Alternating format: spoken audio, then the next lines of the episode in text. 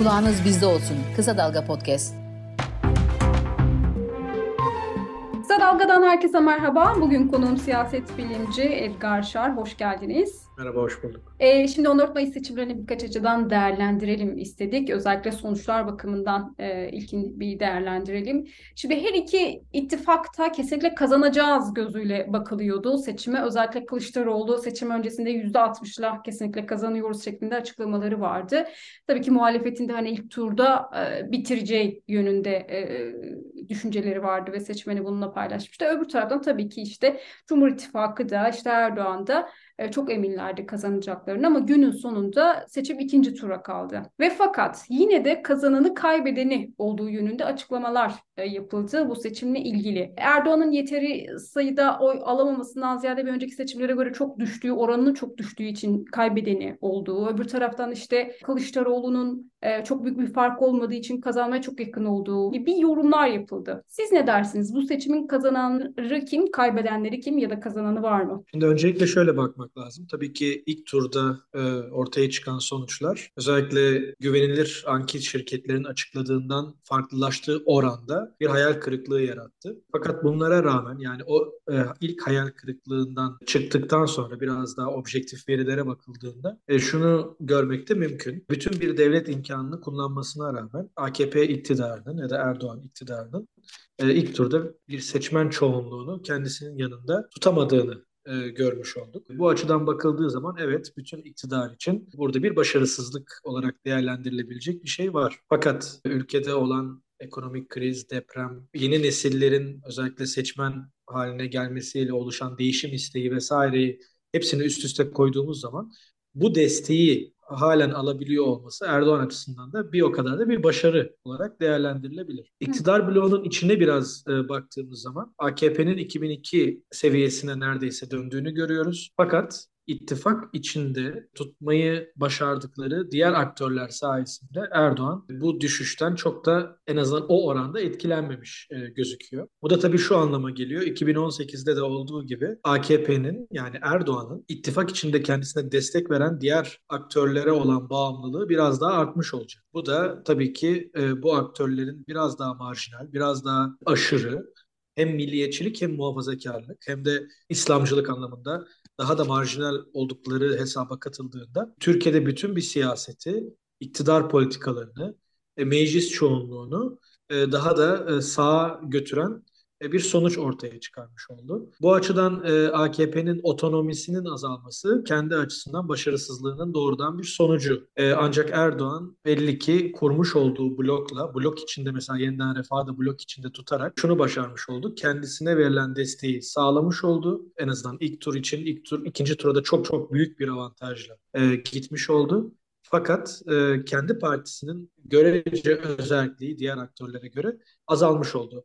Bunu özellikle AK Parti içindeki merkeze en azından merkeze en yakın uçta bulunan e, kesimler kesimlerin e, söz hakkının azalmasıyla da e, hissedeceklerdir diye düşünüyorum. E, muhalefete baktığımız zaman muhalefet açısından şöyle bir uzaktan baktığınızda seçimlere Türkiye'yi tanımadan seçimlerin ne kadar adil yapıldığına bakarsanız aslında muhalefetin aldığı e, sonuçlar çok da e, kötü değil ama başarı denebilir mi? Hayır denemez. Özellikle sadece kamuoyu araştırmalarının seçmende yarattığı e, farklı algılar, yani muhalefetin çok daha önde olduğuna yönelik algılar. Ama bunları da bir kenara koyarsak, e, muhalefetin de siyasetini yapış tarzı zaten e, uzun süredir kazanmış olduğunu ya da Erdoğan karşıtı kitlenin Türkiye'de her halükarda seçimde bir çoğunluk e, oluşturacağını düşünerek yaptıkları siyasete baktığımız zaman aslında bu varsayımın doğru olmadığını görmüş olduk. Belki de en büyük başarısızlık burada. Bu açıdan Erdoğan'ı e, bir bakıma da belki küçümsemiş oldular. Şurası bir gerçek. Özellikle seçimin son iki haftası yani seçime giderken, ilk tura giderken son iki haftada e, iktidarın kampanyasında çok büyük dezenformasyon, yalan, işte montaj e, videoların kullanılması vesaire gibi şeyler oldu. Zaten bütün bir seçimin adil e, bir sistem içinde olmadığı da aşikar. Muhalefet bütün bunları biliyordu. Fakat bunlara karşı gerek siyaset yapış biçimi olsun, gerek siyasetini oluştururken kurduğu eksenler, fay hatları olsun, e, gerekse de seçmeni tam bulunduğu durumda seçmeni motive etme biçimi olsun. E, buralarda doğru siyaseti tam olarak uygulayamamış demek ki. Sonuçlar bize bunu gösteriyor. Ama tüm bunlara rağmen şunu da söylemek bence mümkün. İkinci tura giderken özellikle e, bu veri önemli bir veri. Katılımın çok yüksek olmadığını görüyoruz. Aslında çok büyük bir beklenti vardı bu konuda ama günün sonunda ortaya çıkan veri bir önceki Cumhurbaşkanlığı seçimleri 2018 seçimleriyle aynı. Katılım oranı aynı. Bunu herhalde seçimden bir gün önce söyleseniz kimse inanmazdı. Seçim günü özellikle büyük şehirlerde sandıklar önündeki uzun kuyruklar da bu konudaki algının e, başka türlü olmasına e, sebep olmuşa benziyor. Gerçi büyük şehirlere mesela İstanbul'a baktığınız zaman %90'ın üzerinde bir katılım var hakikaten. Yani e, ülke ortalamasının üstünde. Ülke ortalamasının düşük olduğu yerler en çok da Kürtlerin ağırlıkla yaşadığı bölgeler. Buralarda da çeşitli sebepler var. İnsanların sandıkla hayatlarındaki ihtiyaç duydukları değişimi sağlamalarına yönelik inançlarının azalmış olduğunu görüyoruz. Bu da çok anlaşılır bir şey aslında e, son neredeyse 7-8 yılda yaşadıklarımıza bakıldığında. Dolayısıyla tüm bunlara bakıldığında Erdoğan'ın halen bu kadar yüksek oy e, almış olması yani kendi seçmenini sandığa götürmüş olması gitmeyenlerin ben aslında Erdoğan dan yana olabilecek ya da sandığa gittiğinde Erdoğan'a daha yakın seçmen olduğunu düşünmüyorum. En azından büyük çoğunlukla böyle değil. Dolayısıyla muhalefetin burada yapması gereken değişimden yana olan ama bir şekilde mevcut seçenekler tarafından da ikna edilememiş seçmeni burada ikna etmek olacak. Katılımı da beklenildiği seviyelere hani %90'ın biraz üstüne çıkarmayı zorlaması gerekir. İkinci turda bir şansın olması için.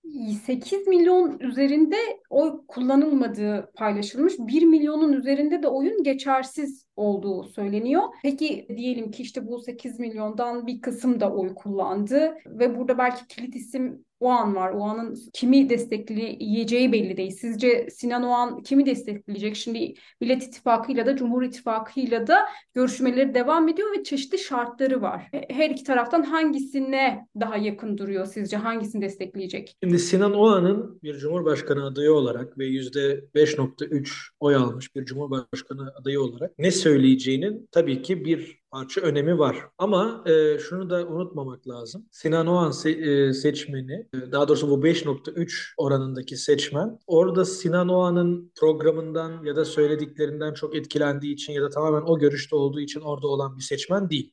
Bir defa hayli heterojen bir seçmenden bahsediyoruz. İlk bakışta tabii ki çok kapsamlı analizler henüz yapmaya vakit e, olmadı ama ilk bakışta görebildiğimiz kadarıyla bir defa Muharrem İnce seçmenlerin tamamını, belki tamamına yakınını almış olduğunu düşünebiliriz. E, Muharrem önce, İnce çekilmeden önceki oy oranından bahsediyorum. Nitekim çekildikten sonra dahi e, 0.4, %0.4'lük yani 200-250 bin civarında bir e, kendisi adına oy kullanılmış. Bunların 20 bine yakını yurt dışında yani henüz daha kendisi seç, e, çekilmemişken kullanılan oylar. Demek ki 200 bin civarı da e, yurt içinde her şeye rağmen ya çekildiğinden haberi olmayan seçmen ya da bir şekilde protestosunu halen ona oy kullanarak göstermek isteyen bir seçmen. Ee, onun haricindekilerin Sinan Oğan'a gittiğini tahmin edebiliriz. Bunun dışında e, değişik yerlerde Sinan Oğan'a giden seçmenin çok farklı sebeplerle e, gitmiş olduğunu tahmin edebiliriz.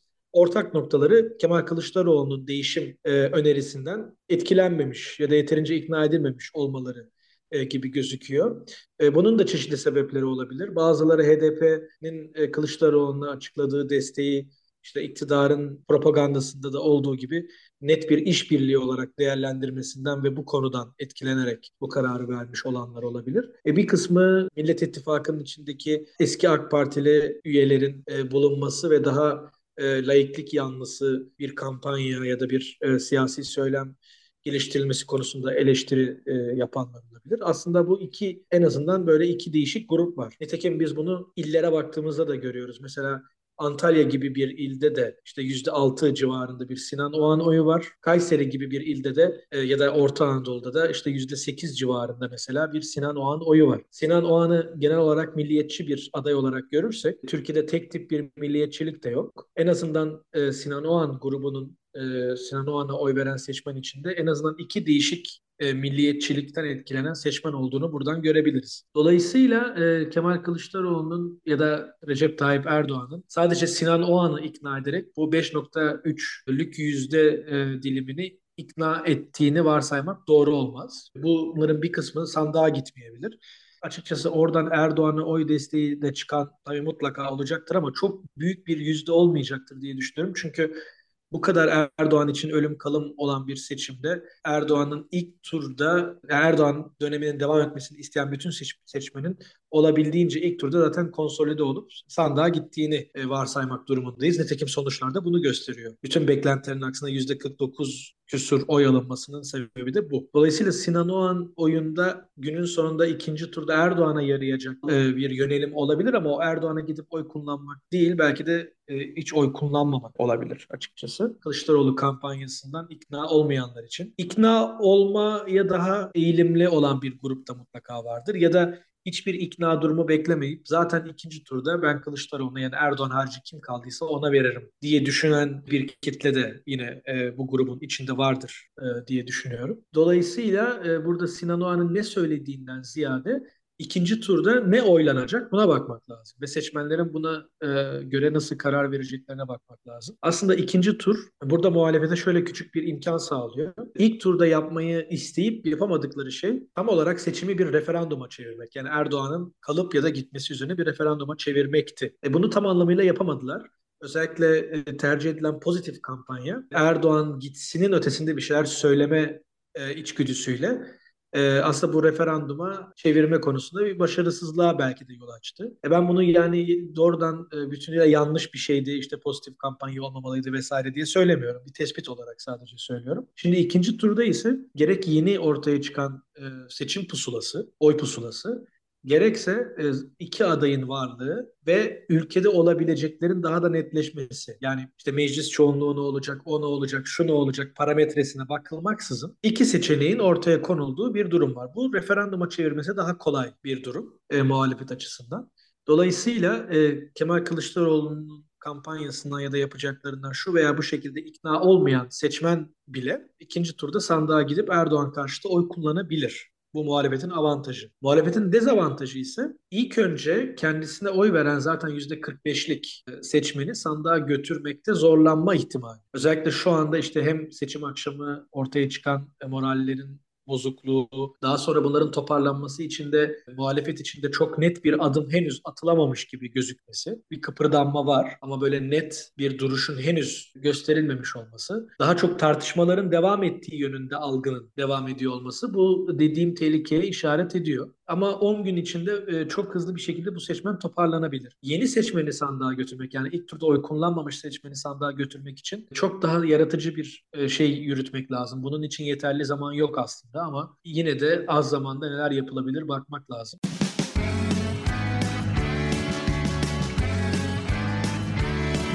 Kulağınız bizde olsun. Kısa Dalga Podcast. Onunla ilgili bir sorun var. İkinci turda muhalefet ne yapabilir? Ama öncesinde şunu da konuşmak istiyorum. Şimdi bir başka tartışma konusu da e, muhalefet ittifaklarının içerisindeki çatlak kendi aralarındaki ittifakların kendi aralarındaki anlaşmazlıkların seçime e, sandığa olumsuz yansıması da tartışılıyor. Sizce Millet İttifakı'nın kendi içerisindeki çatlağı o anlaşmazlıkları nasıl yansıdı? Etkiledi mi sonuçları? Mesela İyi Parti'den işte Meral, Akşener'in masaya, masayı terk etmesi, sonra geri gelmesi, e işte aday konusunda anlaşılamaması, bu anlaşmazlıkların dışarıya yansıması, kamuoyuna yansıması, öbür taraftan Emek ve Özgürlük İttifakı içerisinde YSP ile TİP'in arasındaki anlaşmazlıklar. Bunlar sandığa nasıl yansıdı sizce? Ben YSP ve TİP'ten madem başlayalım. En başından beri daha ortaklaşan bir stratejiyle gidilmesinin daha doğru olacağını düşünüyordum. Bunu da özellikle son günlere sıkıştırılan tartışmada olduğu gibi HDP listeleri ya da Yeşil Sol listeleri üzerinden ortak gidilmesinin tek seçenek olduğunu düşünenlerden de değildim. Eğer daha geniş bir zamanda tarafların e, argümanlarını daha e,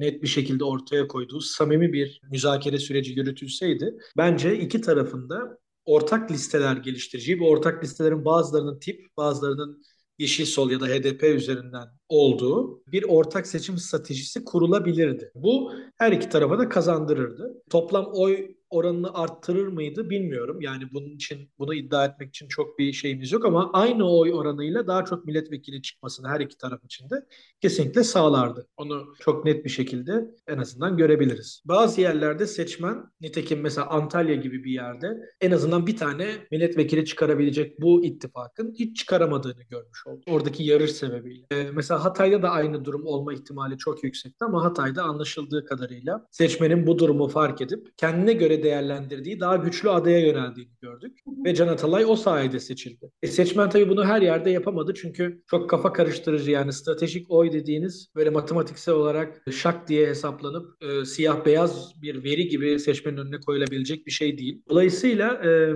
keşke e, bu dediğim yapılabilseydi. Aynı zamanda o tartışma da yani tip ve YSP arasındaki tartışmada olmamış olacağı için bu ortak e, noktaya giderken en azından e, 2018'den bu yana e, şu anki Emek ve Özgürlük bloğunun 2018 HDP oyundan bile azalmasını durumuyla karşılaşmamış olurduk belki de. Millet İttifakı'na geldiğimiz zaman aslında Millet İttifakı 3-6 Mart arası olan krizi görece hızlı bir şekilde çözümledi. Aslında kampanyada da bir birlik havası verildi. Bunu çok açık bir şekilde söyleyelim. Yani bu konuda çok daha fazla hataların yapıldığı Macaristan seçim sürecini de mesela izlediğim için bu aradaki farkı net bir şekilde e, görebiliyorum. Seçim sonuçları nasıl çıkarsa çıksın. Bu ayrı bir e, mesele çünkü. Öte yandan e, şunu da söylemek lazım. Kemal Kılıçdaroğlu'nun oyuyla Kemal Kılıçdaroğlu'na destek veren tüm partilerin kim bunlar? İşte CHP, İyi Parti, Yeşil Sol Parti ve TİP. Bütün bunların oyunu topladığınız zaman Kemal Kılıçdaroğlu'nun oyuyla baktığınızda Kemal Kılıçdaroğlu'nun bu partilere oy verenlerden toplam 200 bin daha az oy aldığını görüyoruz. Bu partilerin tabanlarının bir kısmı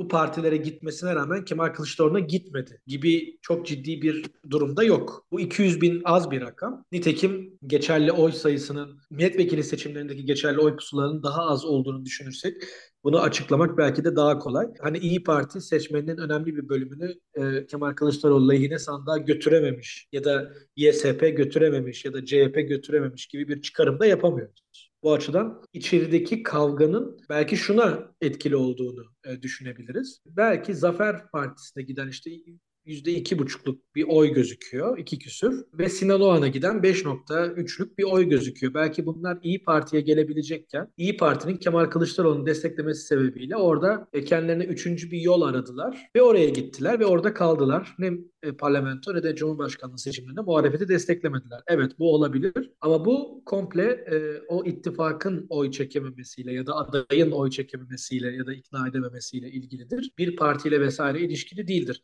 Bunun da ne kadarının aradaki kavgadan kaynaklandığı, ne kadarının başka algılar belki iktidarın propagandası sebebiyle olduğunu, ne kadarın adayın beğenilmemesi sebebiyle olduğunu anlamak için ise daha kapsamlı sondajlar yapılması lazım. Ee, neredeyse bir önceki seçimden beri inşa edilen bir strateji var. O stratejiye bazıları karşı çıktı, bazıları destekledi. Ee, bazıları bazı yönlerine karşı çıktı, bazı yönlerini destekledi ya da tersi sonuçta tarihi akışıyla olayların birbiri ardından nasıl geldiğine baktığımız zaman herhangi bir yani diyelim ki stratejinin 10 ayağı varsa o 10 ayağının ikisini değiştirip başka şeyler koyduğumuz zaman seçimin sonucunun başka türlü olacağını iddia edebilecek bir test mekanizması yok elimizde. Bu olayda bu kavgalar ne kadar etkili olmuştur bilmiyorum. E, çünkü kampanya dönemine o derece yansımadı. Ama belki de kampanyadan önce zaten bu sebeple e, Millet İttifakı bir, bir takım seçmenini kaybetmişti ya da ikna etmekte zorlanmıştı. Bunun mutlaka etkisi vardır tabii. Peki ikinci turla ilgili ne öngörüyorsunuz? Şimdi Kılıçdaroğlu'nun %5 e, gibi bir farkı olduğu e, ortada ve bu farkı kapatabilir mi? Kapatabilmesi için ne yapması gerekiyor? Demin işte açıkladınız Sinan Oğan'ın tek başına desteği yetmez. Çünkü Sinan Oğan işte desteklediğini açıklasa bile bütün oradaki oylar oraya gelmeyebilir. Öbür taraftan kızıp oy vermek istemeyen bir seçmen var. Yani gerçekten kamuoyunu gözlemlediğimiz kızıp ben bu seçime gitmem, ikinci turda oy kullanmam diyen bir kesim var. Öbür taraftan deprem bölgelerinde ya da farklı nedenlerle başka illerde olup o illere tekrar gelmek zorunda olan bir kesim de aynı motivasyonu yok. O motivasyon nasıl tekrar sağlanacak? Soruyu çok uzat uzatmayayım. Ara sorularla tekrar girerim zaten ama siz ikinci tur için ne öngörüyorsunuz? Bu seçmenin yani ilk turda oy kullanan seçmenin tekrardan motive edilmesi zaten ilk yapılması gereken şey. Onun üstüne Sinan Oğan'ın seçmenini ve e, oy kullanmaya gitmeyen ama e, değişimden yana olan seçmeni de ikna edebilecek, mobilize edebilecek bir süreç izlenmesi lazım. Bir yandan ilk turda size oy veren seçmenin zaten çeşitli e, bir seçmen olduğunu, kendi içinde çok çoğul bir yapıda olduğunu biliyoruz. Bu çoğul yapı mesela 2019'da kazandırmıştı aslında. E, İyi Parti seçmeniyle HDP seçmeni gidip aynı adaya oy vermişlerdi. Şimdi de benzer bir şey uygulandı aslına bakarsanız. Aday şu olsaydı, bu olsaydı vesaire tartışmaları tabii ki e, yapılıyor. Biraz daha ayrı bir tartışma. Ama şunu söylemek lazım. İkinci tur için yeni seçmen kendi tarafınıza katmak için yaptığınız adımlar, e, attığınız adımlar ilk turda size oy veren seçmeni e, küstürebilecek bir noktaya gitmemeli. Bu çok önemli. Dolayısıyla seçtiğiniz e, eksen, kuracağınız e, siyasi söylem, oluşturacağınız fay hattı aslında değişim isteyen bütün seçmenleri tek bir tarafta toplayabilecek bir söylem olması lazım. Ve bu da hani benim de ilk biraz önce sinyalini vermeye çalıştığım gibi e, e, seçimi bir Erdoğan referandumu haline getirdi. Erdoğan'ın bir dönem... şeyi de kastediyor musunuz acaba ben öyle anladım ama şimdi e, Sinan Oğan'ın direkt açıkça şey yaptı terörle arasına mesafe koysun ama tabii demek istediği aslında herkesin anladığı HDP ile arasına mesafe koysun. Yani şartlarından biri oydu. Diyelim ki Kılıçdaroğlu buna okey dedi. Bu defa işte Kürt seçmeni küstürecek ki Kürt seçmenin desteğinin ne kadar önemli olduğunu gördük e, bu seçimde birçok sandıkta. Yani küstürmek derken bunu mu kastediyorsunuz? Evet bu olabilir. Başka şeyler olabilir. Sonuç itibariyle yeni seçmen kazanacağım diye zaten sizin tarafınızda olan seçmeni küstürmemeniz gerekir. Yani bu HDP seçmeni içinde olsa, başka seçmenler içinde olsa. Mesela aslında e, biraz önce söylediğim gibi Kürt bölgelerinde katılım en az olan yerler. Orada da yeni oy kullanmaya gitmeyen bir seçmen var ve onları da aslında mobilize etmek iyi olabilirdi. Çünkü bir şekilde onlar e, belki Erdoğan ve Kılıçdaroğlu arasındaki bu yarışın kendilerinin e, hayatına çok dokunan bir yarış olmadığını, kazananın onlar için çok çok da önemli olmadığını düşünmüş olabilirler.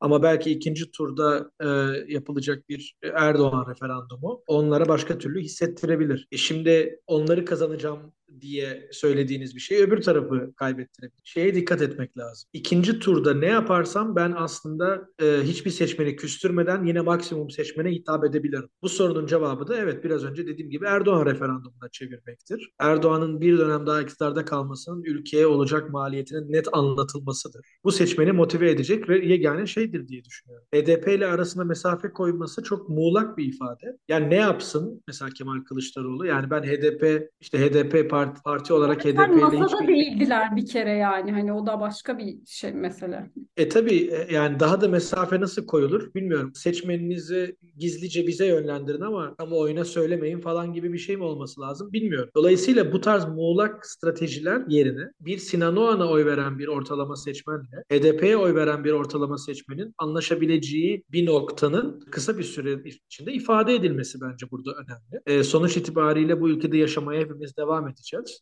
Ne Kürtler kalkıp başka bir yere gidecek ne de Sinan Oğan'ın seçmenleri kalkıp bir yere gidecek. Ama soru şu 10 gün sonra da seçim var. Ve Erdoğan mı başka bir seçenek mi olsun? O başka seçenek neden iki taraf içinde daha iyi olabilir? Bunu anlatması lazım. Bunun altını bir tarafın hoşuna gidecek şekilde fazla doldurmaya başlarsa diğer tarafı kaybeder. Fazla doldurma işi de seçmenin çok özellikle dikkatini çeken bir şey değil. Belki de bunu ekonomik e, vaatlerde gördük. Yani çok fazla ekonomi üzerinden vaat yapılması belki iktidarı da o vaatleri benimsemeye itti ama bir yandan da seçmeni ikna etmede çok aşırı bir etkide olmadı belki. Yani e canım bu, bu kadar da abartı bunları yapamaz diye düşündüler. Yapabilecek şeyler bile olsun. Dolayısıyla altını çok net doldurmaya çalışmanız değil. Belki de ilk turda e, yapılan pozitif kampanyayı yanlışlamayan ama bu sefer insanların negatif kimliklenmelerini ikinci turda akıllarına bakarak hani kalplerine değil de akıllarına bakarak kullanacakları oyu kullanırken hesaba katmaları gereken en net parametreyi ortaya koyacak şekilde bir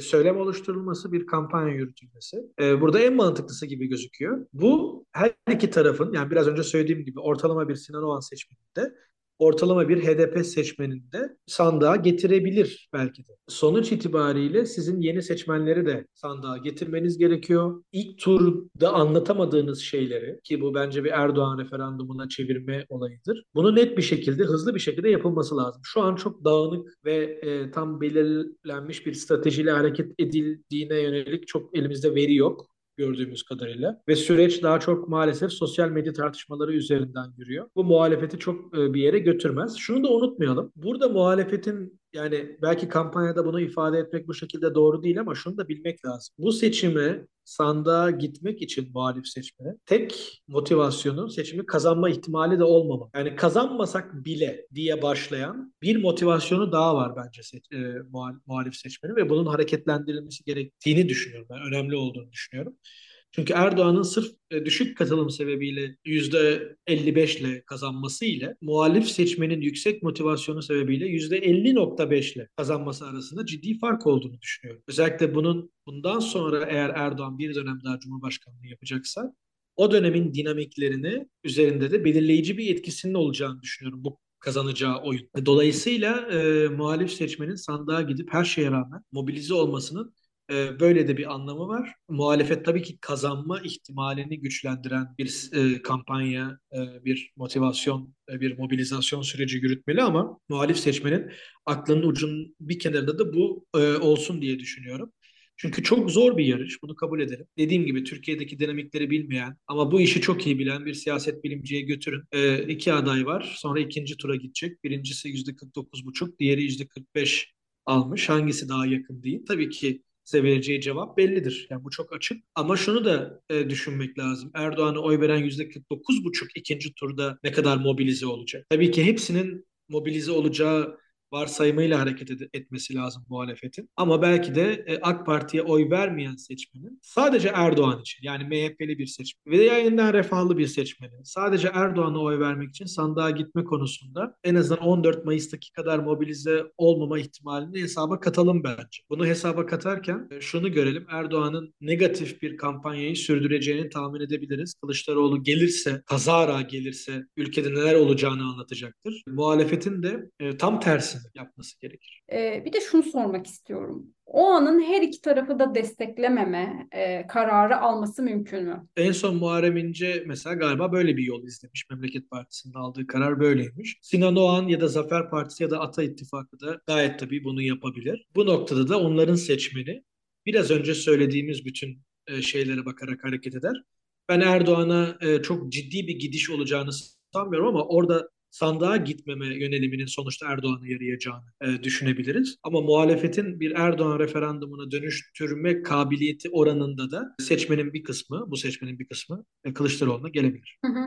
Son olarak itirazlarla ilgili aslında bunu daha geniş konuşuruz sanıyordum ama e, süremiz çok kısıtlı şey sormuş olayım. Yani şimdi çok çok itirazlar var ve bu itirazların her gün arttığı ve aslında seçim sonuçlarını değiştirebileceği yönünde yorumlar var. Değiştirir mi sizce itirazlar sonuçlansa bile seçim sonuçlarını değiştirir mi? Özellikle Cumhurbaşkanı. Yani, yok, Cumhurbaşkanlığı seçimlerini değiştirecek bir durum olmadığı ortada. Milletvekilliği yerlerinde de belli yerlerdeki en son milletvekilinin el değiştirmesine yol açabilir ama bu da meclis çoğunluğunu değiştirecek sayıda değil belli ki.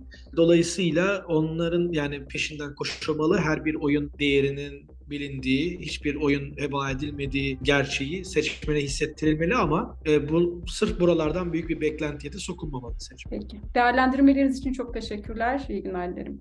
Ben teşekkür ederim.